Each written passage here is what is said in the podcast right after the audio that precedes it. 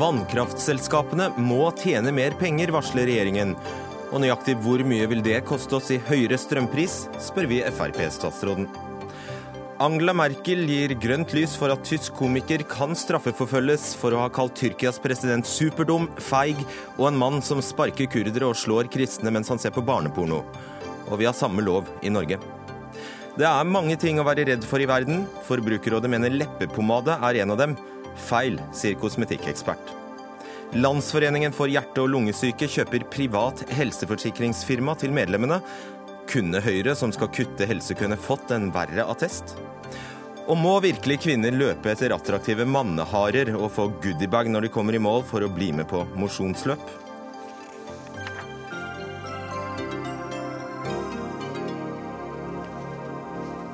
Disse og mange flere spørsmål i ukas siste Dagsnytt 18. Jeg heter Fredrik Solvang. Ja, Med det fiffige navnet Kraft til endring la regjeringen i dag fram stortingsmeldingen om energipolitikken. Regjeringen skriver selv at hovedbudskapet i meldingen er at forsyningssikkerhet, klima og næringsutvikling må ses i sammenheng for å sikre en effektiv og klimavennlig energiforsyning. Ja, Om du ikke spisset ørene nå, så kan sikkert du hjelpe oss, olje- og energiminister Tord Lien fra Frp. Hva handler denne meldingen om? Det er nå uh, sånn litt tabloid. Det er, nå 17 år siden sist vi har eh, det har vært lagt fram en uh, energimelding til Stortinget. På de 17 årene så har kraftsystemene endret seg. Eh, nå er det målsetning både å eh, bruke fornybar kraft til flere ting enn i dag, bl.a. for å fase ut fossil energi. Men det er selvfølgelig også viktig at vi også i fremtida kan hente eh, verdier, lønnsomme arbeidsplasser, ut av de fantastiske fornybare kraftressursene vi har utvikla og skal utvikle også i tida fremover. Ok, Veldig interessant. Vi er opptatt av en sak du ikke snakket så mye om i dag, nemlig strømprisene. For med det regjeringen eh, varsler i denne meldingen, hva skjer med prisene for eh, deg og meg? Jørgen Fostervold, du er spesialist på strategisk og økonomisk analyse knyttet til kraftprosjekter i eh, selskapet Adapt Consulting AS. Får vi dyrere strøm? Ja, så Det korte svaret på det er ja. Kraftprisene i et Norge uten elsertifikater vil være høyere enn med elsertifikater. Samtidig så vil jo da forbrukerne slippe å betale for elsertifikatene, som, som, eh, jo er positivt. Men hvorvidt kraftprisene kommer til å stige, og hvor mye de stiger, kommer jo an på en rekke andre ting. Eh, Bl.a. Eh, hvor mye vi eksporterer på disse kablene våre til utlandet. Om vi øker forbruket vårt gjennom å elektrifisere transportsektoren med elbiler, ny kraftkrevende industri, datasentre osv. Og den store og viktige tingen i det nordiske kraftmarkedet, det er jo svensk kjernekraft. Hvis den legges ned, så, så vil prisene kunne øke. Eh, samtidig så gjorde DNB Markets nylig en undersøkelse som eh, blant eh, aktørene i det norske kraftmarkedet. og Den viste at bare 30% trodde at prisen skulle over 30 øre eh, de neste fem årene. Og i, i, dag så er den altså 20 øre. Så det er en viss eh, depresjon i, i markedet. Men bare forklar det. altså 10 øres forskjell. Hvor, hvilket utslag gir det på en vanlig strømregning? Hvis den blir 10 øre, eh, så er det ca. 2000 kroner per, per husholdning. Samtidig er det, jo, altså. det, er, det er jo også flere ting som gjør at dette kommer til å vokse. Bl.a. nettkostnadene kommer til å gjøre at vi øker med 30% kanskje 1400 kroner per år de neste ti årene. Og så Den store tingen som også har vokst de siste ti årene, det er jo eh, avgiftene. Elavgiften har økt med seks øre de siste ti årene, eller ca. 1200 kroner. Og bare fra 2015 til 2016 så økte det med 400 kroner per husholdning. Kan vi se en doblet eh, strømpris? Eh, det kan vi absolutt oppleve, men som sagt, det er jo ikke mange som Strømregningen kan bli mye høyere, men det er ikke nødvendigvis at strømprisen er det som, som Doble strømregning, at folk får yes. dobbelt, dobbelt så dyr regning? i hvert fall en eh, betydelig økning. Ja vel, Tord Lien, olje- og energiminister. Eh, dere har altså, som, eh, som Fetsevold sier her, din regjering har pressert å øke elavgiften med bare med, med 40% siden dere kom til makta. Vi har, Regjeringa har ikke foreslått økning i strømprisen, men det har blitt forhandla frem i Stortinget økning i, i elavgiften. Men det, det, det, som pekes på her nå, er jo et viktig poeng. Altså De store subsidiene vi har hatt i noen år i, i norsk, det norske kraftsystemet noen år nå, har på ene sida påført vanlige forbrukere en betydelig kostnad, samtidig som de volumene av kraft som vi har fått inn i systemet, alvorlig har svekka det som er ryggraden i det norske kraftsystemet, som har gjort det mulig å i et svært land med grisgrendt befolkning å likevel klare å bygge opp et meget effektivt kraftsystem, nemlig eh, vannkrafta. Eh, det mener vi nå er nødvendig å korrigere. Det et mer, mer, mer markedsdreven utvikling av kraftsystemet er på lang sikt til nytte for forbrukerne og for uh, Men den regningen velter du altså over på oss forbrukere? For at, for at, kraftselskapene skal kunne tjene mer, så må jo noen betale det. Nå har uh, Fredrik, du og alle andre kraftkonsumenter i Norge over år betalt kostnaden for, for disse subsidiene. Det har ført til økt produksjon av fornybar kraft, så vi nå må ta i bruk til å elektrifisere deler av transportsektoren, til å Eh, etablere ny kraftintensiv industri, f.eks.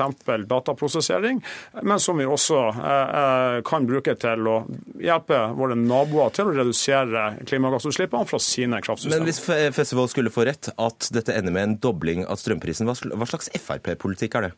Vil, det, den dagens energimelding vil jo ikke føre til noe dobling av energiprisen. Tvert imot så vil det, vil det redusere forbrukerne sin forpliktelse eh, til å betale subsidier som forrykker balansen i systemet, og som på sikt gjør det vanskeligere å utvikle et effektivt eh, kraftsystem i Norge. Strømmen for vanlige forbrukere vanlige forbrukere betaler altså både markedspris eh, og subsidiene. I sum så er det jo på ingen måte gitt at, eh, at dette vil føre til dyrere strøm for, eh, for vanlige eh, folk, forbrukere i Norge. Hva tror du, Marius Holm, daglig leder i Miljøstiftelsen Zero. Blir det dyrere eller billigere strøm?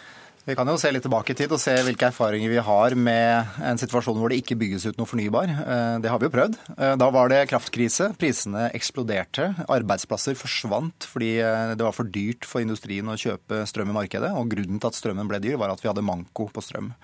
Og da planla norske energiselskaper gasskraftverk på hvert eneste nes i Norge omtrent. Det ville gitt en massiv økning i CO2-utslippene. Og de som våget seg på å kjøpe en miljøvennlig varmepumpe eller elbil, ble beskyldt for å kjøre på importert eh, kullkraft. Det var situasjonen for eh, bare en 10-15 år siden. Eh, så har sertifikatene kommet inn og endret hele det bildet. Det skapes nå masse miljøvennlige arbeidsplasser i industrien. Strøm er billig, det lønner seg. Og så skal de nå fjernes. Tror du det, det, vil det føre til, sammen med alt det andre, ja føre til høyere strømpriser. Som, som Festevold sa, så er det mange faktorer som påvirker prisen. Men det er ingen tvil om at når du lar være å bygge ut mer fornybar, så når, når tilbudet av kraft ikke øker, så gir det en høyere pris enn en situasjon hvor tilbudet øker. Er det, det er bra eller dumt, syns du? Ja, dette er jo faktisk litt sånn eh, tosidig for oss som driver med miljøvern. fordi på den ene side så er det jo eh, ønskelig at det er litt dyrt å bruke strøm, sånn at vi sparer mer strøm. Men den største utfordringen i Norge er ikke der. Den største utfordringen i Norge er at vi må gjøre det lønnsomt å bruke strøm til stadig nye ting. Og det blir jo mindre lønnsomt å bruke strøm til eh, transport og til industri og til varme når eh, strømprisene stiger. Men, Fredrik, Fredrik, faktum er jo det at vi allerede i dag, og det er altså uh, fire år igjen med subsidier som vi er forplikta til å opprettholde. Allerede i dag har vi et kraftoverskudd i et kraftsystem som er rent 100%, nesten 100% fornybart. Så har vi et kraftoverskudd på 10 TWh å elektrifisere personbiltransporten fullt og helt, fullt og helt bare elbiler i Norge eh, vil kreve ca. 6, i verste fall 7 TWh. Og vi har altså et betydelig kraftoverskudd allerede, som jeg er enig med Marius, som vi nå må ta i bruk med mer subsidier og svekka lønnsomhet i ryggraden i det norske kraftsystemet. Eh, er ikke veien Skal, skal ha, ha, med oss en fjernmann her. Det er Geir Voldsæter. Du er spesialrådgiver i LO-forbundet Industri Energi. En ting er altså konsekvensen av økt strømpris for oss som privatpersoner, men dere er altså bekymret for, for industrien. Hvilken eh, effekt kan økt strømpris få for eh, de ansatte i industrien? Altså, vi vet at uh, hvert øre økt kraftkostnad til industrien som foredler metaller uh, og lignende, det utgjør om lag 300 millioner kroner i året i økt driftskostnad. Vi vet at uh, det som nå legges til grunn, vil øke kraftprisen med mange mange øre. Og dette var en industri som sto på stupet i 2012. Og vi skal takke de for, som støtta eh, sertifikatmarkedet for at ikke den industrien nå ligger med knokket rygg over hele landet. Ok. Når man så fjerner sertifikatene, så er vi livredde for at dette kan føre til stor utfasing av industrien på sikt og betydelig økte CO2-utslipp globalt. Svar kort på det, Linn. Nei, altså, Jeg var en av pådriverne for å innføre sertifikatsystemet i sin tid. Det har fungert. Vi har et betydelig kraftoverskudd med oss nå.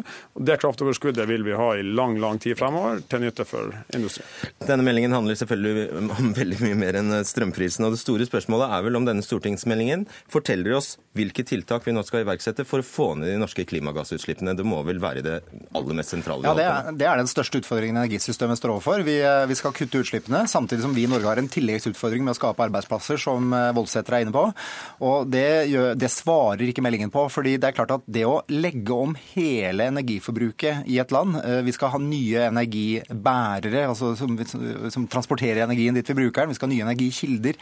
Det er enorme endringer. og Denne meldingen legger opp til at dette skal skje nærmest av seg selv, og så skal markedet eh, klare å finne den strømmen som trengs til enhver tid. Det er ikke realistisk. Vi vet fra forrige gang vi hadde manko på strøm at det tar fryktelig lang tid når det kommer på etterskudd. Hvis vi har kraft... Hvis ikke det er realistisk, hva skjer da? Ja, Det som skjer er at det blir tyngre. Eh, det blir ulønnsomt å bruke strøm istedenfor fossil energi. Da bruker vi mer olje. Og så eh, risikerer vi også, da, som Voldsæter er inne på, at vi ikke lykkes med å foredle de norske fornybarressursene til metaller og arbeidsplasser og verdiskapning Står det svart på hvitt i denne meldingen hvordan du skal kutte de åtte millionene tonnene? Et, et effektivt eh, kraftsystem Nei, det, det. er faktisk selve grunnlaget for at vi klarer å skape store verdier basert på eh, våre fornybare energiressurser til transport til industri, eh, men også, også, til eksport. Og i På veien mot lavutslippssamfunnet skal vi kunne finansiere velferdsstaten også i fremtida, basert på våre energiressurser i et lavutslippssamfunn, så kan vi ikke gjøre det ved hjelp av subsidier. Det finansierer ikke Står ikke svart på hvitt hvordan du har tenkt å kutte 8 millioner tonn CO2? På en lang rekke områder så kommer det tiltak for å redusere utslippene av CO2. Kunne han ha, eh, kunne han ha skrevet det, Festival? Kunne han ha lagd en sånn melding? Eh... Som sa at, vi, altså, La oss si f.eks. så og så mange elbiler skal vi ha om så og så mange år. Ja, og det har vel regjeringen mål om å, å, gjøre. Så det er spørsmålet om dette er eh, rett melding. Men jeg tror det er viktig å være klar over at selv om kraftprisen da skulle doble seg fra dagens ekstremt lave nivå, så vil vi altså fortsatt være veldig konkurransedyktige i verden. Vi har fortsatt lave kraftpriser. Eh, og hvis industrien ønsker å, å ha det, så er jo dette et uh, veldig godt uh, tidspunkt å, å, skaffe seg langsiktige kontrakter på, på lave nivåer. Ok, To ord til Voldsæter om, om, disse kraftkablene, for dere er engstelige for denne nye kabelen som skal legges til Storbritannia. Ja, det er altså det er en del av den samme politikken som energimeldingen legger opp til. Det er å bare kvitte seg med overskudd av kraft i landet ved å eksportere det ut. og Det øker kraftprisene. Det er da kraft som vi heller burde ha foredla. Uh, disse enorme investeringene altså Vi snakker her om kanskje opp mot 100 milliarder investeringer i nett for å få slusa kraft ut. Uh, og til andre forbrukskilder som ikke gjør noe for klimaet. Uh, det kunne vi ha brukt der hjemme. Det prisnivået som de kablene vil medføre, er mer enn dobbelt så høye som det industrien takler i dag. Det vil takle i framtiden. Holm og så Lien til slutt. Ja, vi har altså muligheten til å gjøre begge deler. Altså, vi har verdens beste fornybarressurser. Vi kan både eksportere mer til land som har dårligere fornybarressurser enn oss, sånn som nabolandene rundt Nordsjøen. Vi kan mangedoble produksjonen av, av metaller og andre varer som verden trenger, basert på fornybar energi. Og vi kan kvitte oss med fossil energibruk i Norge. Men det potensialet det vil vi ikke klare å høste hvis ikke vi lager politikk som skaper investeringer. Og det har ikke han her i Herre gjort? Nei, nå, Vi har den politikken nå, eh, men den skal altså avsluttes i 2021. Men altså, den Kabelen til Storbritannia er altså en av de mest lønnsomme fornybare kraftinvesteringene i noe tidspunkt i norsk, norsk, historie. Jo, dette har vi gode beregninger på. Dette er en meget lønnsom investering. Og så noterer jeg meg at Voldsæter ikke har kommentert på at vi i dag også har lagt fram en forslag som gjør det lettere for industrien å erverve eh, vannkraft på permanent basis, og dermed sikre seg stabil og sikker tilgang på, på kraft han, i evig tid. Ja, Det får han heller ikke anledning til, for du må faktisk gå. Du har sagt til oss at du må gå nå, så derfor så gjør vi det sånn. Takk skal dere ha, Tord Lien, Jørgen eh, Festervold, Marit Holm og Geir Vold. Voldsæter. Dagsnytt 18 alle hverdager kl 18.00 på NRK P2 og NRK2. Ut med Frp og inn med Miljøpartiet De Grønne. Ja, slik er drømmeregjeringen til Venstre-leder Trine Skei Grande. Vi skal høre henne her. Jeg mener det beste for landet ville vært en mindretallsregjering med Høyre, KrF og Venstre. Og jeg inviterer gjerne MDG inn hvis de viser seg å være blokkuavhengig. Så vil noen si er det sannsynlig? Ja, Nå har vi 500 dager på å vise at det kan være sannsynlig. Ja, Politisk kommentator i NRK Magnus Takvam, du er på Venstres landsmøte. Eh, vi får spørre som Trine Skei Grande. Hvor sannsynlig er det med en regjering med Høyre, MDG og Venstre? Det er, eh, slik det ser ut nå, helt eh, urealistisk. Fordi etter alt å dømme så kommer Høyre-Frp-regjeringen til å sitte til Eh, valget neste år. Og det alternativet Trine Skei Grande streker opp, forutsetter jo da at på en måte Frp frivillig, eller Frp og Høyre frivillig overlater regjeringsmakten til denne nye konstellasjonen. Og at uh, Frp skulle gjøre det, det er det ingenting som, uh, som tyder på. Hvorfor sier hun det da? Fordi det er det alternativet som de fleste i landsmøtesalen og i Venstre støtter. Altså det er det eh, regjeringsalternativet som de også gikk til valg på i 2013, altså en høyre sentrum-variant. Eh, Skulle hun åpne for eh, å velge side definitivt eh, den ene eller den andre veien, så vil hun åpne for en ganske knallhard intern debatt i partiet Venstre. Sånn at det er hun ikke interessert i. Man må vente med denne plan B til, eh, til valget nærmer seg. Eh, og Ved sist stortingsvalg var altså en tredel av Venstres velgere tidligere Arbeiderparti-velgere. Eh, likevel har hun da altså sagt smelt døra igjen for Arbeiderpartiet. Hvor, eh, hvorfor dette behovet? Så det er klart at Jo hardere eh, Trine Skei Grande eh, går ut mot Fremskrittspartiet, og jo mer hun så å si eh, demoniserer deres politikk, jo mer logisk vil det være for både velgere og for folk i Venstre å spørre men er det ikke da bedre tross alt å, å, vurdere å gå over til den andre siden og se hvor, hvor, stort gjennomslag man kan få der med en eller annen variant av et Arbeiderparti-samarbeid? Og når hun da eh, markerer at eh, Arbeiderpartiet på punkt etter punkt, så å si i hennes versjon, er like ille som Frp, så er årsaken nettopp for å skal vi si, demme opp for det neste skrittet som mange i Venstre da ville eh, etterlyse, nemlig en, et uh, samarbeid med Arbeiderpartiet. Men det er klart det er en, det er en veldig krevende posisjon å, å, ta, å kombinere alle disse tingene. ja, for da sitter hun jo fast her i Stortinget? Det, det gjør hun. Og jeg tror også alle skjønner at dette vil ikke Venstre snakke om nå. De har ikke behov for å skal vi si, Eh, ta de vanskelige valgene så lang tid før selve valget. Det viktigste for dem er, som vi har vært inne på eh, litt tidligere her, å skaffe partiet muskler i form av flere velgere. Det er ikke særlig eh, kraftfullt å komme i en eventuell regjeringsforhandling neste år med knapt over 4% eh, oppslutning. Sånn at Det er liksom eh, rasjonalet bak alt som skjer på dette landsmøtet. Få fokus på de viktige sakene. Eh, vis at vi har innflytelse. Krev ting i forhandlinger. Få mm. interessen for Venstre opp. Mm. Altså, takk skal du ha, Magnus Takvam. Vi bare merker oss på veien på, vi bare merker oss at Høyre-nestleder Jan Tore Sanner allerede har sagt det er uaktuelt å vrake Frp til fordel for, for noen andre. Takk skal du ha. Hør Dagsnytt 18 når du vil. Radio NRK.no.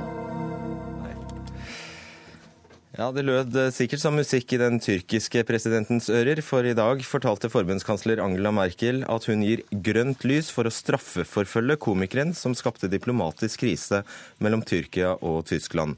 Og det innebærer at Jan Bøhmermann, som framførte et plumpt dikt om president Recep Tayyip Erdogan for 14 dager siden, kan risikere å bli straffet. Anine Kierulf, postdoktor ved Senter for menneskerettigheter ved Universitetet i Oslo. Er det reell fare for at det kan skje, at han kan bli straffet? Nei, Jeg tror vel ikke det. så Nå kjenner jeg ikke tysk ytringsfrihetsjuss eh, til fulle, men eh, den følger jo også europeisk eh, rett, og dette, det skal svært mye til. Det er stort rom for politisk satire, og det skal vel godt gjøres ikke å forstå Bøhmermanns dikt som politisk satire, uansett hvor plumpt det var. Og Vi har skjønt de siste dagene at det finnes altså en lov i Tyskland som som gir åpning for dette. Og i dag har altså Merkel åpnet opp for at etterforskning og muligens straff kan Eller at det kan iverksettes etterforskning av, eh, av Bøhmermann. Kunne hun ha sagt nei? Det, det, tror jeg egentlig ikke. Det er en åpning i tysk rett for det. Dette skyldes noen tyske prosessuelle bestemmelser som istedenfor å legge forfølgelsen av denne type saker til den vanlige påtalemakten, som da avgjør om saken skal straffeforfølges eller ikke, eh, så er det opp til eh, regjeringen å si om, eh, om etterforskning skal skje eller ei. Men det er nok en diplomatisk begrunnelse for det. Altså det er jo i den grad man har får en klage på et sånt statsnivå, så er det på en måte avgjørelse skal vårt rettssystem ta stilling til dette.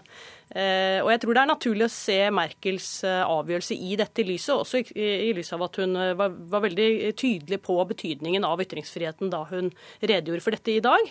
Eh, sånn at det man kan si at dette også kan ses som, det er jo en slags eh, ja, voksenopplæring av Erdogan i hvordan rettsstater opptrer. Det er ikke politikere som avgjør konkrete rettslige spørsmål, det er det påtalemakten og domstolene som gjør i straffesaker. Eh, så har man jo den andre siden her, og det er jo hvordan dette blir oppfattet av de som ikke grubler fullt så lenge på dette spørsmålet. Og da kan det jo se ut som dette er et, et knefall for press da, fra en, en samarbeidspartner som man trenger støtte fra i andre typer avtaler. Eh, men jeg tror eh, det ville være mer naturlig å se dette som eh, en, en klart uttrykk for hvordan man opptrer i en maktfordelt rettsstat. Og så sitter vi og rister på hodet her hjemme, men det er ikke helt sikkert at, at vi har god grunn til det. Nei, vi har jo en tilsvarende bestemmelse her i Norge. Den eh, tror jeg nesten ikke er brukt. Men, men eh, det er jo interessant. Vi avkriminaliserte ordinære ærekrenkelser, altså den type fornærmelser som vi vanligvis holdt på å si, driver med overfor hverandre i veldig kvalifisert form. Da hvis vi sier usanne, ærekrenkende ting om hverandre, at folk er eh, pedofile eller korrupte eller andre ting uten å ha grunnlag for det. De avkriminaliserte vi, mens denne lille bestemmelsen ble igjen i straffeloven. Den ble igjen som en liten rest av en bestemmelse som egentlig også omfattet uh, forbud mot flaggskjending. For det er også en type måte å fornærme fremmede stater på. Det virker jo også litt arkaisk på norsk i 2016.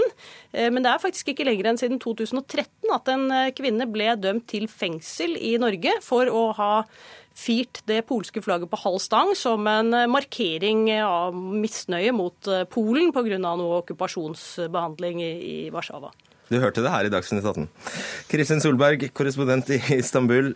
Er det i det hele tatt, Har det kommet noen reaksjoner i Tyrkia, eller bryr det seg ikke? Det har kommet noen reaksjoner, og blant Erdogans støttespillere og i medier som er vennlig innstilt til ham, og det er jo de fleste her i landet, så blir jo dette fremstilt som en ærekrenkelse. Altså satiren fremstilt som en ærekrenkelse, og at Angela Merkel i dag da har gjort det eneste rette og, og fornuftige. Og, og, slik de ser det, så handler ikke saken om ytringsfrihet, men at om at fornærmelser ikke er akseptabelt, og spesielt da ikke eh, slike det de mener er nokså usmakelige eh, fornærmelser som, som kom fra Bøhmermann. Men det er jo Men, morsomt. Eh, vel, eh, mange tyrkere ser opplever det ikke sånn. Men, eh, men, når det er sagt, så er det jo mange her som er veldig opptatt av ytringsfrihetssituasjonen her til lands. Og, og, for dem så er det det som har skjedd i dag og det som har skjedd de siste to ukene, at det er nokså urovekkende, men ikke spesielt veldig overraskende. For det er, det er stadig forverrede kår for ytringsfriheten her. Og, og det å bli straffeforfulgt for å fornærme presidenten, det er ikke på ingen måte nytt her. Vi, vi har sett Eh, nesten 2000 saker eh, om å fornærme presidenten siden Erdogan ble president i, i 2014. Og det er mennesker som risikerer da flere år i fengsel. Har du en sånn historie? Ja, det pågår eh, faktisk en, eh, en, eh, veldig spesiell sak akkurat nå. For det vi ser er at dette, det er ikke bare journalister og forfattere og satirikere dette retter seg mot. Det er også vanlige borgere, kan også være, også være tilfeller av skoleelever. Men også da vanlige borgere som uttaler seg i sosiale medier. Og den spesielle saken som, som pågår nå, den, den, dreier seg om en, en lege som delte et innlegg i sosiale medier der han eh, refererte til et bilde eh, av eh, Erdogan som var satt side om side med eh, karakteren Gollum i 'Ringenes herre'. Så han sammenlignet da president Erdogan med Gollum. Og han, eh, han ble da rettslig forfulgt, altså, eller ble, han ble da stilt for retten i en sak som, som pågår ennå, om å fornærme president Erdogan.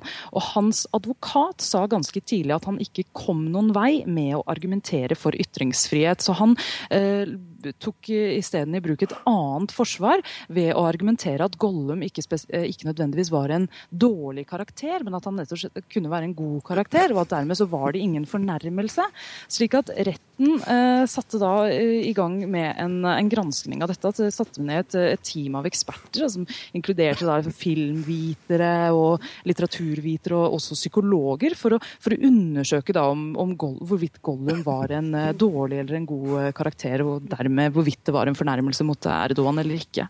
Og Den saken den, pågår ennå. Neste, neste, gang de møtes i retten, er, er, i mai. Og Du kan helt uh, trygt fortelle oss dette. Du, du merker ikke noe til at utenlandske journalister blir utsatt for en hårsår, present? Ja, altså Det jeg sier nå er jo, er jo er vel helt innenfor, men, men, det vi har sett er at ytringsfriheten her har altså den har veldig trange kår. Vi ser på Reportere uten grensers årlige pressefrihetsindeks, så ligger Tyrkia på 149. plass av 180 land. Og straffeforfølgelse er ett av elementene som fører til dette dårlige klimaet. Um, og stort sett så er det blitt rettet mot tyrkiske eh, journalister. Utenlandske journalister har med noen, noen visse unntak blitt spart til, til, nå. Men selv for utenlandske journalister så har klimaet her blitt verre. Vi har jo bl.a. sett at eh, flere utenlandske korrespondenter ikke har fått innvelget pressekort eh, i år. Kjærulf, hva om man faktisk blir straffet, Bømmermann? Ja, det gjenstår jo å se om det skjer. Det ville overraske meg stort, og da vil jeg anbefale at saken klages inn for Den europeiske menneskerettighetsdomstol. Men dette viser jo på en måte den kinkige siden av denne saken, fordi det signalet man kan oppfatte at Merkel sender ut, det er jo at eh, vi også forfølger denne type fornærmelsessaker. Vi får jo da ha tiltro til at eh, enten tysk påtalemyndighet eller tyske domstoler eh, meget tydelig forklarer hvorfor dette er vernet av ytringsfriheten likevel. Takk skal dere ha. Kristin Solberg og Anine Kjerulf.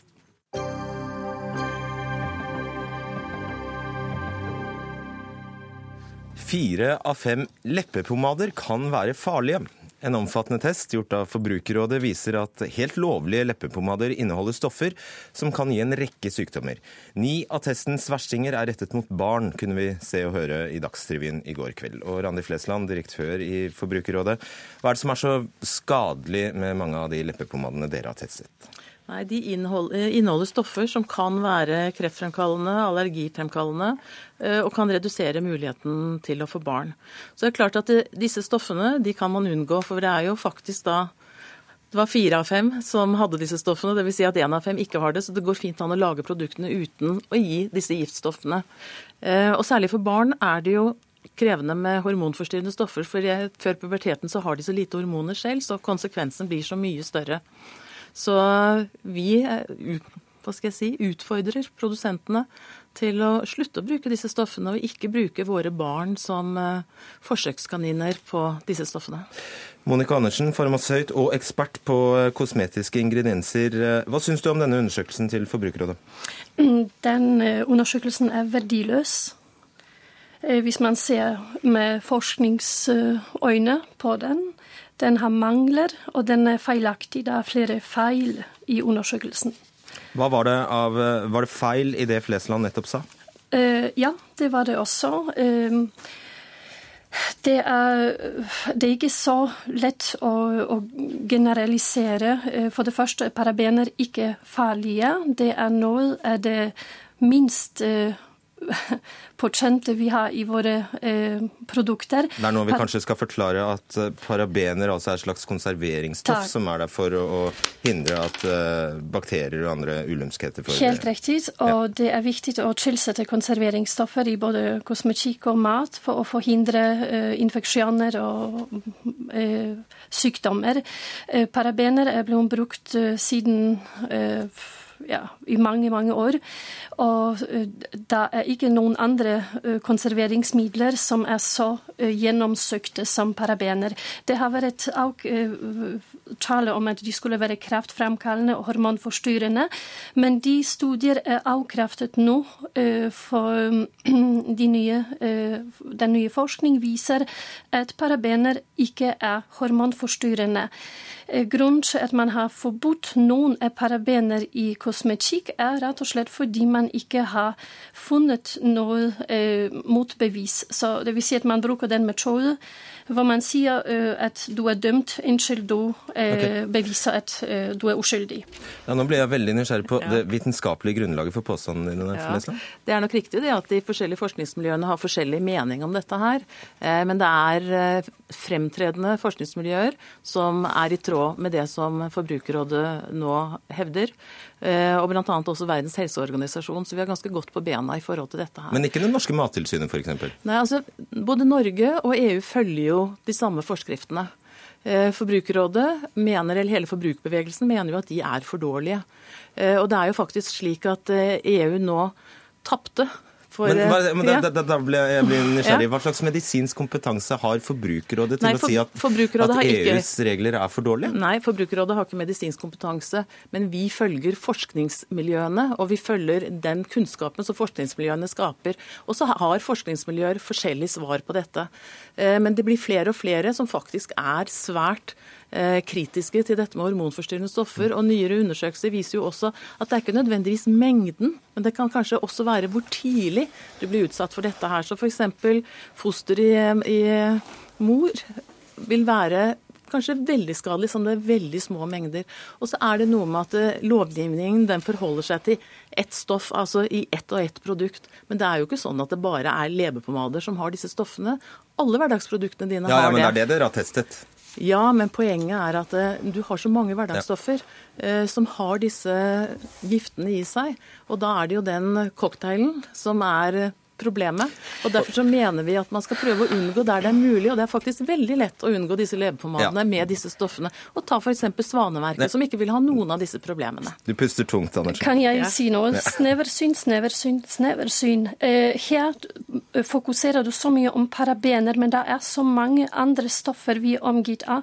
Det er sminke i mat, det er nitrater, som er konserveringsstoffer, som blir til nitrosaminer, kreftfremkallende eh, stoffer, som kan gi oss tarmkreft. Det, eh, det fokuserer Forbrukerrådet ikke på. Parabener, la dem være, eh, for de er ikke farlige. Det er metylisothiazalinon eh, pluss metylkloroisothiazalinon som er vanskelig å uttale. Det nevner Forbrukerrådet heller ikke noe om. Men det er, dere er skyld i at det er så mange allergier rundt omkring. Så alle de som har fått sensibiliserte reaksjoner eh, altså på, på de nye konserveringsstoffer, eh, de kan takke Forbrukerrådet for, for den skandaløse appen som de har lansert i 2011, som jeg også skriver i boka mi, Din kosmetikk og hudpleieguide. Ja, men det er jo faktisk sånn at eh, noen stoffer blir ikke bedre av at andre er verre. Man må faktisk ta én ting om gangen. Og vi har også undersøkt dette for eh, parfymestoffer som Ja, men du, oppfattes det, som det dere skaper av overfølsomhet, sier hun. Ja, men det, nei, ja, det er en påstand. Så jeg må bare forholde meg til at det er en påstand, og vise til at det er svært meget forskning som viser noe annet. Så det er lov å ha forskjellige meninger. Vi forholder oss til, til den brede vei på forskningen. Og det er jo faktisk sånn nå i forhold til EU-lovgivningen at Sverige har jo gått til rettssak og vunnet mot kommisjonen fordi man har jobbet for sakte med å gjøre klart for revisjon av akkurat denne okay. lovgivningen. For kjemikalielobbyen er sterk og ønsker ikke at det skal komme strengere lovgivning fordi at de er redd det blir for dyrt for dem. Dette er en stor industri, Andersen. Ja. ja angående allergiframkallende stoffer, nå nevner, øh, nevnes det i artikkelen menchol, kamfer og, og peppermynte. Så vidt jeg vet, så er de ikke allergiframkallende. Det er trykkfeil, det er også stavefeil. Uh, det er veldig lite uh, kunnskap i, i, den testen, eh, som sagt. Så er, den er fylt av feil. BHC, som er butylhydroxytoluen, det er en av de mest påkjente potente antioksidanter som flere studier viser har krafthemmende effekt. Det snakker dere ikke om. Okay. i studiet. Det ja. dere i hvert fall har oppnådd, er at alle tar en ekstra titt på uh, lypsylen sin, tror jeg. Takk. Det tror jeg er godt. Ja. Takk skal dere ha, Randi Flesland og Monica Andersen.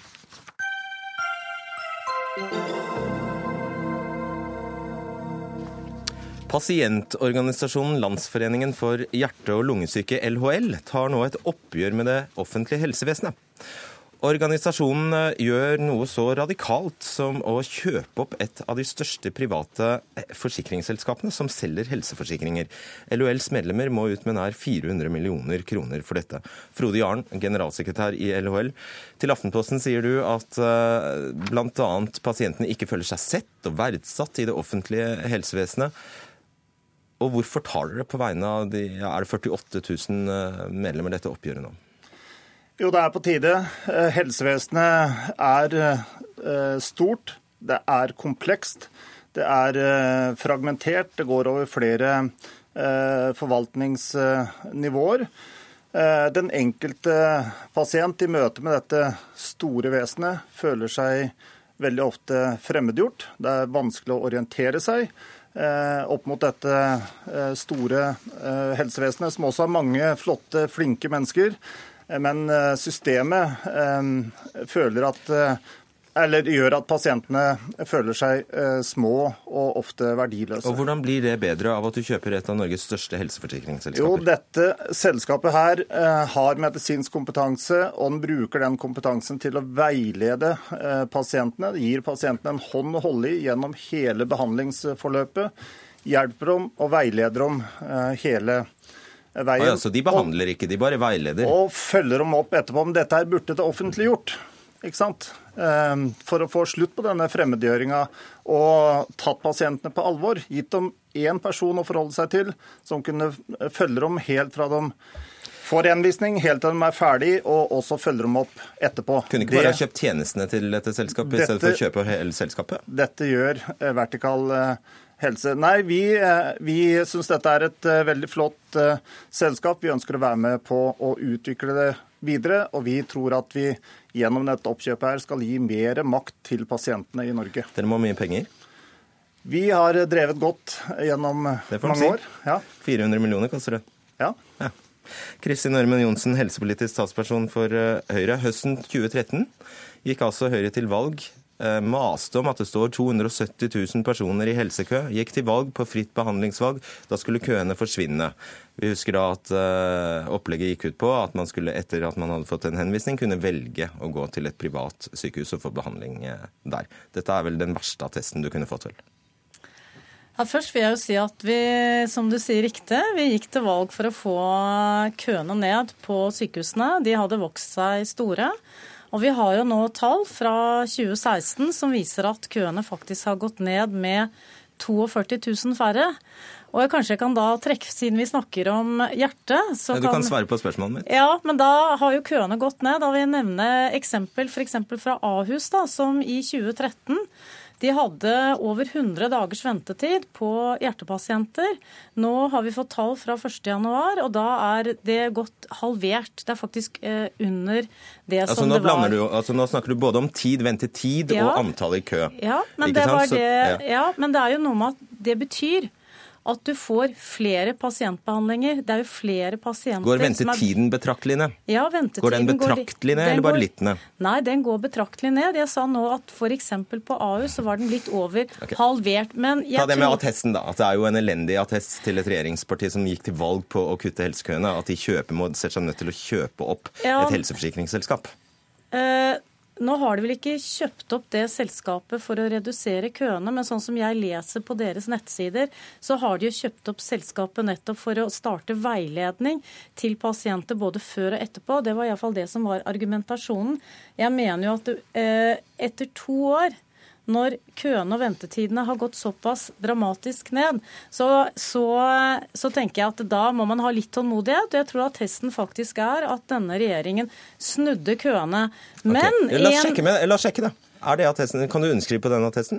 Nei, jeg kan ikke underskrive eh, på det. Vi ønsker å redusere også ventetidene. Hvis du har denne helseforsikringen som vi nå da vil kunne tilby, så kan du få en garanti på enten 10 eller 20 dagers Eh, ventetid. Og for statens arbeidstakere, eh, når de da har noen som de er veldig opptatt av å holde i arbeid, sånn som jegertroppen, så kjøper de eh, forsikringer hos Vertikal Helse. Men Herman Johnsen har jo innført fritt behandlingsvalg. Ja, men, men alle disse systemene, alle, alle, disse nye navnene du må jo hjelpe pasientene til å få utnytta det. Per i dag så fungerer det ikke. Altså Køene er om lag like lange hele tida. De har vært det gjennom masse, masse år. ikke sant? Men det, da må man på en måte lese tallene. Det, det stemmer faktisk ikke. Og vi har altså norsk eh, tall fra pasientregisteret som viser at køene går ned, og vi behandler mange flere. Altså De 42 000 du ja. snakker om, kommer vel ikke fra Norsk pasientregister? Nei men, det, nei, men Norsk pasientregister forteller at vi behandler mange flere pasienter enn det vi gjorde i 2013. Og det handler jo bl.a. om at vi har gitt mer penger inn til spesialisthelsetjenesten. Og vi har gjort andre grep. Vi har bl.a. Eh, innfører nå kontaktlege for de som er alvorlig syke.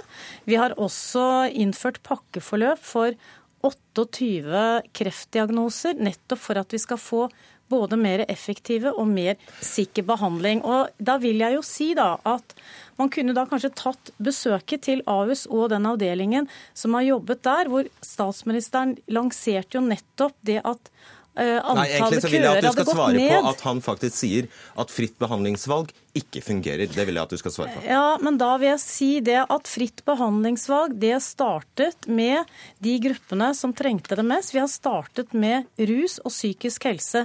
Og så åpner vi opp for flere medisinske diagnoser etter hvert. Så det vil jo bli Det omfatter jo ikke dine medlemmer. Nei, men det er jo altfor tidlig. Det er jo, det er jo en svær reform som har startet for ett år siden. Dere gikk til valg på det? Jo, men nå har det, vi er, regjeringsperioden er ikke ferdig. Og vi har startet, vi har faktisk vedtatt loven. Nå innfører vi det også på rehabilitering. Eh, vi representerer eh, pasientene, og vi hører til stadighet om at det er nye grep og nye reformer og det nye ene med det andre. Saken er at eh, køene er på ca. 270 000 i kø hele tida. Ventetidene er på ca. 70 dager, om de har 74 eller 70. Og det er fram til den første utredninga. hva kan da vertikal du... helse Bare forklar det, sånn at uh, seerne lytterne forstår det. Hva kan da vertikal helse hjelpe med? Vertikal helse eh, har da en oversikt over det eh, totale helsetilbudet i Norge, og finner det stedet der det er kortest ventetid. Men det skal du jo kunne gjøre på nett? Ja, men, ja, men, men vi, vi, vi, ser hvor lang Det kan vi faktisk gjøre på nett i dag, og det er Så du trenger ikke noe ja, vertikal helse til det? Det er jo 500 000 mennesker i Norge i dag som, uh, som har tegna helseforsikring fordi de er frustrerte over at dette her ikke fungerer. ikke sant? Det må politikerne ta på jo, uh, alvor. Disse folka her stemmer med beina. ikke sant? Jo, men jeg må jo også si eh, enhver misfornøyd pasient er jo en misfornøyd pasient for mye. Men det denne regjeringen har gjort, og jeg mener det går faktisk ikke an å underslå at ventetiden har gått ned. Det, det, det at folk syns at det er for lenge, det er greit nok. Nå er det 50 dager noen steder, og ventetiden okay. går ned ytre derfra. Men å underslå at ventetiden har gått ned, og ikke at vi har behandlet flere pasienter, det går ikke an. Okay, Nei, men, men, men, men, vet du hva denne uh, talldiskusjonen her, ikke sant? Bare, bare, ta det med ventetid som et eksempel. Den ventetida som, som uh, det blir brukt tall på her, er da fram til første utredning. Den gjennomsnittlige ventetida fordi det skal jo også behandles etterpå. Den er jo på 105 dager. Folk veldig, eh, venter veldig lenge på å få behandling. Og Det er derfor vi gjerne vil ha private som et supplement ja. til det offentlige. Da må du være glad for det vi har gjort i dag. Ja, og jeg sier ikke det at vi ikke Vi sier ikke noe til det, men det jeg faktisk må få en anerkjennelse på, det er at det har vært gjort grep for å få ventetiden ned, og okay. at det er blitt behandlet flere. Det Det kan vi ikke underslå. Fint, stå på, gjør enda mer. Ja. Takk skal dere ha, Frode Jarn og Kristin Ørmen Johnsen. Hør Dagsnytt 18 når du vil. Radio NRK Radio.nrk.no.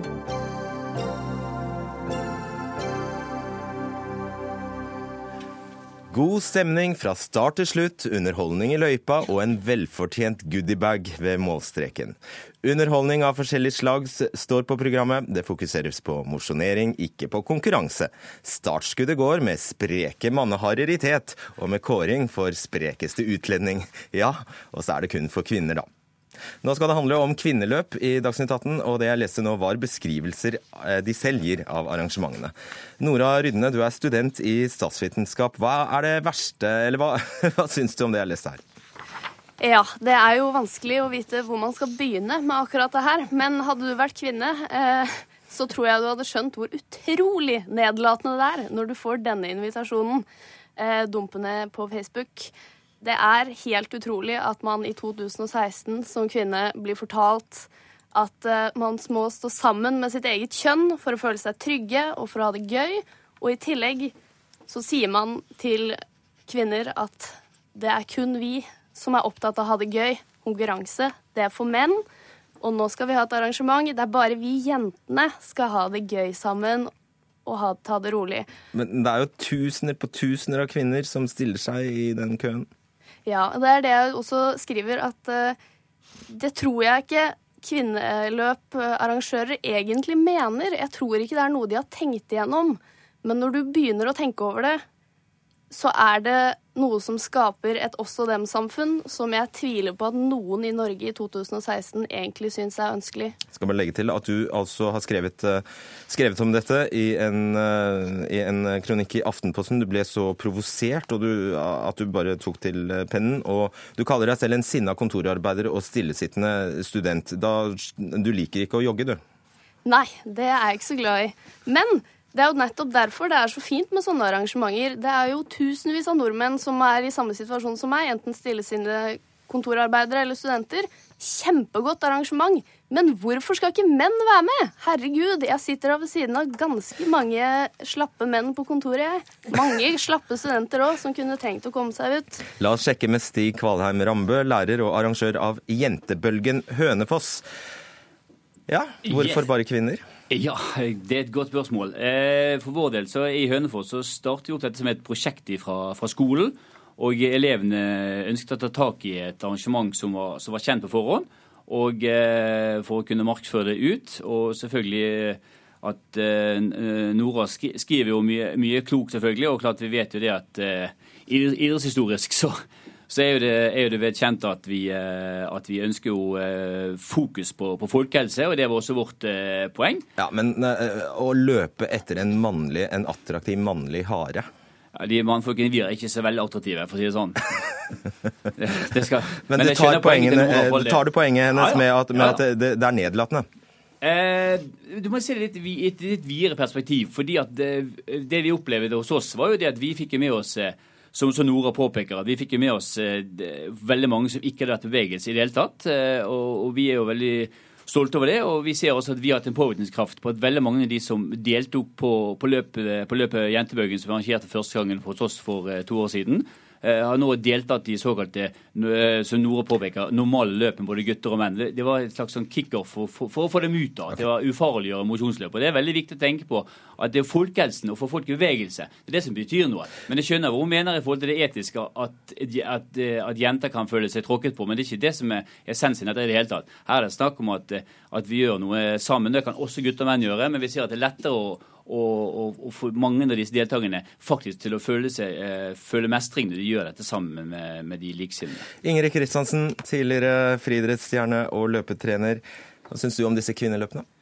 Jeg har egentlig ikke så veldig sansen for at det rene dameløp er. Altså. Jeg syns at eh, vi er liksom på vei tilbake igjen når vi må arrangere løp bare for damer. For, eh, og det at man, jenter ikke er eh, konkurranse, har konkurranseinstinkt og det der skjønner jeg ikke helt. For eh, det, er, det gjelder det samme for kvinner som for menn, at noen er konkurranseinstinktet, og noen har mindre av det. og hvorfor ikke vi kan stille i samme konkurransen og ha det like gøy sammen. Tenker på unge utøvere, f.eks. unge jenter som har lyst til å konkurrere litt og bli med i et løp. Da vil det være enda mer attraktivt for de, tror jeg, da, å være med på et løp hvor det er noen unge gutter også med, men som ikke tar det så alvorlig. Så det er ingenting i denne grove generaliseringen om at kvinner generelt er mindre konkurranseinnstilte enn menn? Jeg skjønner ikke akkurat det der. For jeg har, Det- det er jo ikke det- det er jo ikke Ingrid- Nei, jeg har jo aldri selv eh, Jeg er konkurransemenneske når jeg løper og er i idrettsmodus, men jeg kan spille ludo og vriotter uten å måtte vinne. Eh, jeg har eh, også venner som eh, ikke er veldig konkurranseretta, men jeg syns det er morsomt å være med på et mosjonsløp og kanskje slå en kompis, en venninne eller noe sånt. Om det er mann eller kvinne, spiller ingen rolle for dem. Rambe. Yes, Ingrid, vi er enige enig med deg i det, selvfølgelig. Men vi ser jo det at f.eks. Hytteplanmila, som er et veldig stort løp i, i distriktet her, de har jo nå fått eh, ekstremt økning på, eh, på mosjonister uten tid, og det består av både kvinner og menn. Og vi mm syns det er helt fantastisk at at både menn og kvinner kan løpe. Og, det, og vi har jo også startet, eh, for å provosere noe litt, så har vi også startet da mannebølgen, og det har vi 30. november. Det er kun for menn.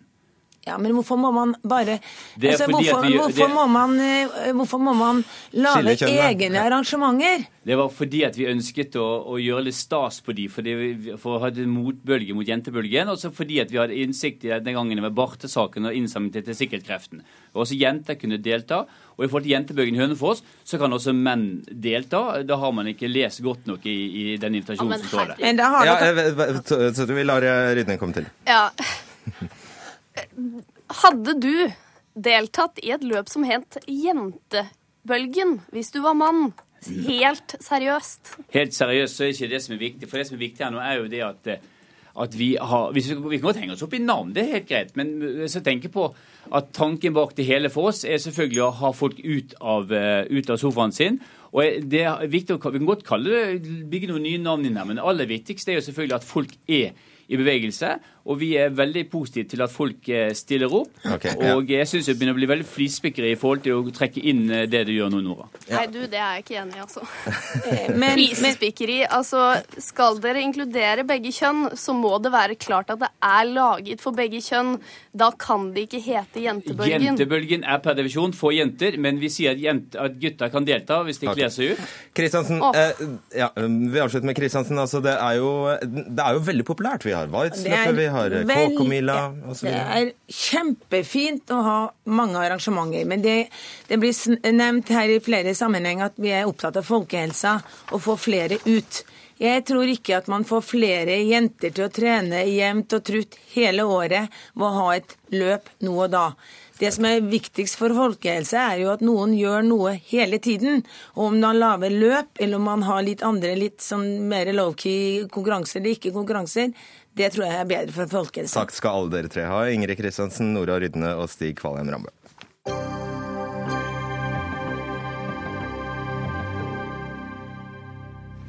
I regjeringens eh, skattemelding ligger en godt skjult endring.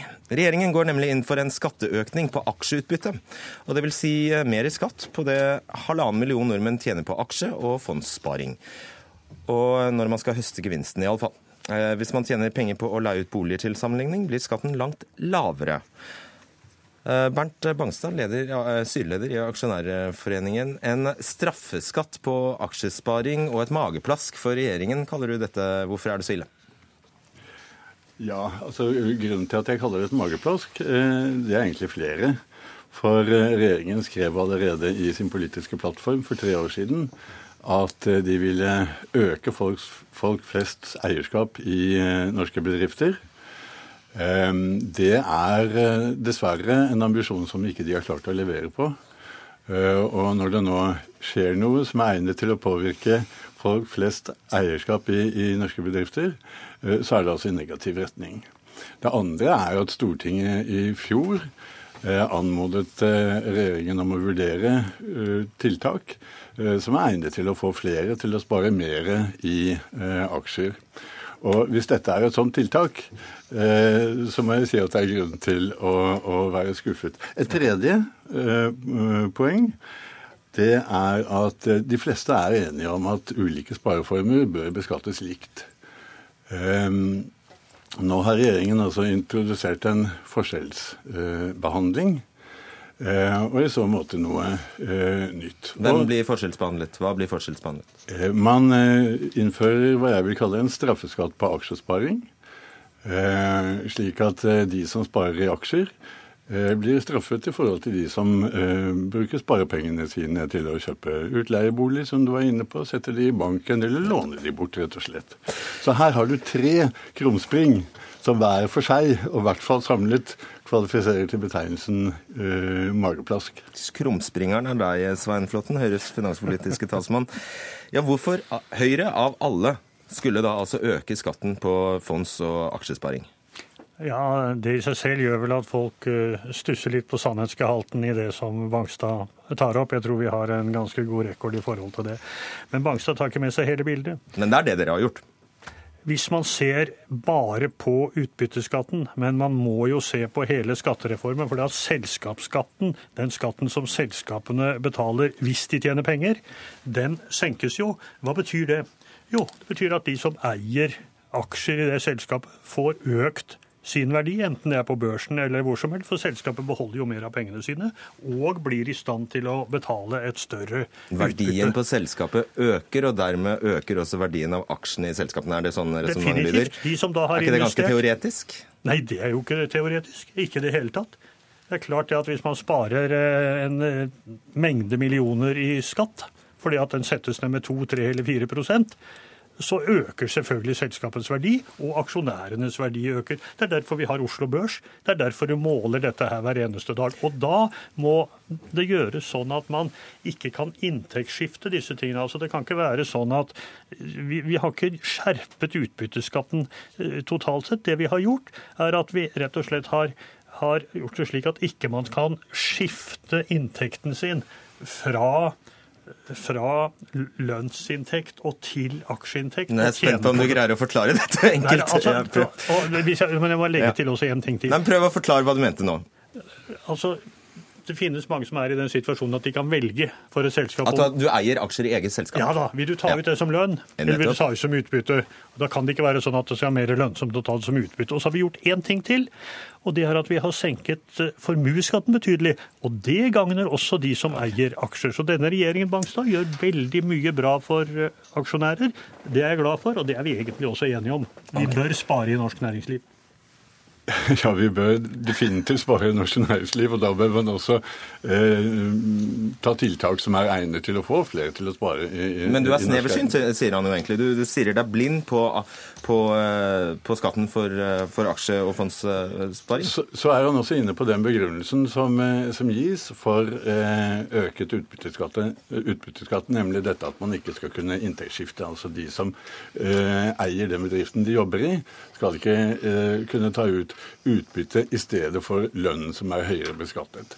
Eh, Og det er greit nok. Men de jeg representerer, vi snakker altså om eh, halvannen million eh, norske sparere som eier aksjer eller aksjefond, de kan ikke inntektsskifte om de aldri så gjerne vil. Godt poeng. Det er jo ikke 1,5 millioner nordmenn som eier aksjer i eget selskap. Nei, det er helt riktig, men det er veldig vanskelig hvis vi skal ha skatteregler som skal skille mellom hvilke typer aksjonærer vi har. og Derfor så har vi gjort det på denne måten. Og inntektsskifte er ikke det, Så da måtte det bare gå utover fondssparerne, da.